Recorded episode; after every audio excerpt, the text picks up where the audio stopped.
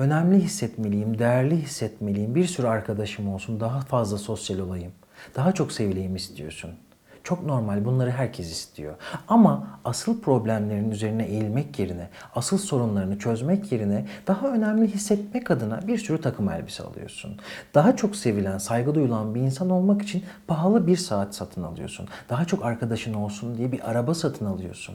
Ya da daha çok çalışkan olmak adına bir sürü renkli kalem, daha sağlıklı olmak adına çok pahalı bir spor ayakkabı alıyorsun. Ve bunları aldıktan sonra kısa bir süre boyunca kendini olmak istediğin insan gibi hissediyorsun. Çok havalı ama kısa bir süre boyunca. Sonra tamamen eski haline dönüyorsun ve kendi gerçekliğinle baş başa kalıyorsun. Sen yine eski sensin. İhtiyacın olmadığı şekilde fazlasını aldığın her eşya gerçekte doğal olarak birazcık zorlanarak da olsa çözeceğin problemleri çözmeni engelliyor. Senin ağzına bir parmak bal çalıyor ve asıl problemden, asıl mevzudan seni uzaklaştırıyor. Diyelim ki özgüven problemi yaşıyorsun ve o sırada televizyonda, dergide, internette bir reklam görüyorsun. Bu ayakkabıyı giyen çok özgüvenli bir çocuk. Bilinçaltına bir mesaj gidiyor. Eğer bu ayakkabıyı alırsan sen de özgüvenli hissedeceksin. Gidiyorsun o ayakkabıyı alıyorsun. Belki çok para veriyorsun. Giyiyorsun ayakkabına şöyle bir bakıyorsun. Evet bir his geliyor sana. Çünkü koşullandın. Ayakkabıyı giyince özgüvenli hissediyorsun ama gerçekte problemi çözmedin. O problem özgüven problemin içinde bir yerlerde bekliyor. Bundan dolayı çok kısa bir süre sonra özgüven problemine tekrar dönüş yapıyorsun. Ta ki yeni bir şey alana kadar. Aldığın her eşya, ihtiyacın olmadan aldığın her eşya seni asıl mevzudan uzaklaştırıyor. Ve gitgide bir eşya kalabalığı içinde yaşamaya başlıyorsun. Kullanmadığın bir sürü pantolon, etek, gömlek, tişört, ayakkabı.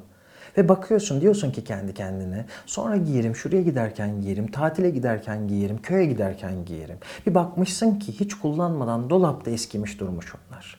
Ve daha fazla eşyaya sahip olmak sana daha mutlu hissettirmiyor. Daha fazla seçeneğe sahip olmak sana daha mutlu hissettirmiyor. Bakıyorsun hangi ayakkabıyı giyeceğim?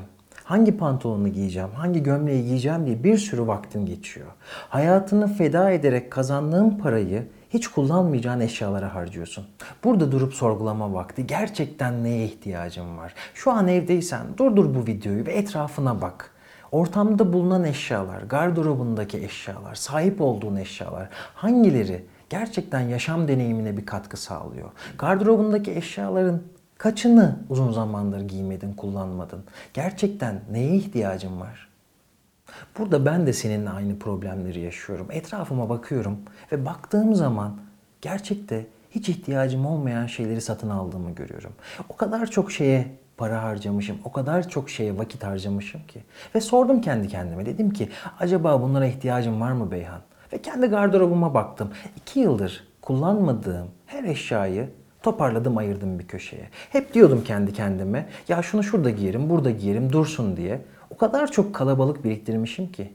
İstifçilik yapmışım resmen. Ve giymediğim bir sürü eşya ayıkladım. Bunları ihtiyacı olanlara verdim. Hayatımı minimalize etmeye karar verdim ki gerçekte asıl ihtiyacım olan şeyi görebileyim. Bana göre minimalizm dünyevi olandan tamamen vazgeçmek değil.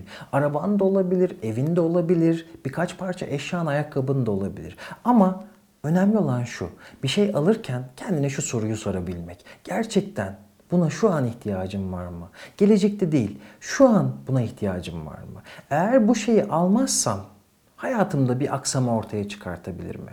Buradan başlamak gerekiyor. Bu sadece bir başlangıç. İlk adım evimizdeki kalabalıktan kurtulmak. Sonraki adımlarsa gereksiz alışkanlıklardan, gereksiz insanlardan, gereksiz konuşmadan ve en sonunda gereksiz düşüncelerden kurtulabilmek. Sade olan, basit olan güzeldir. Peki neden daha az eşya? Kendimizi kandırmamamız ve gerçek sorunlarla yüzleşebilmemiz için. Ve sade ortamlarda daha odaklanmış ve daha üretken olabildiğimiz için. Şimdi bu ilk adımımız. Seninle birlikte bu adımları sonraki adımlara taşıyacağız ve fazlalıklarımızdan birlikte kurtulacağız. Hayatını, evini sadeleştirirken ve fazlalıklarından kurtulurken yaşadığın deneyimleri benimle yorumlar kısmında paylaşabilirsin. Sonra bu konuda çekeceğim videolarda senin de deneyiminden faydalanmak istiyorum. Beni dinlediğin için çok teşekkür ediyorum. Kendine çok iyi bak. Görüşmek üzere.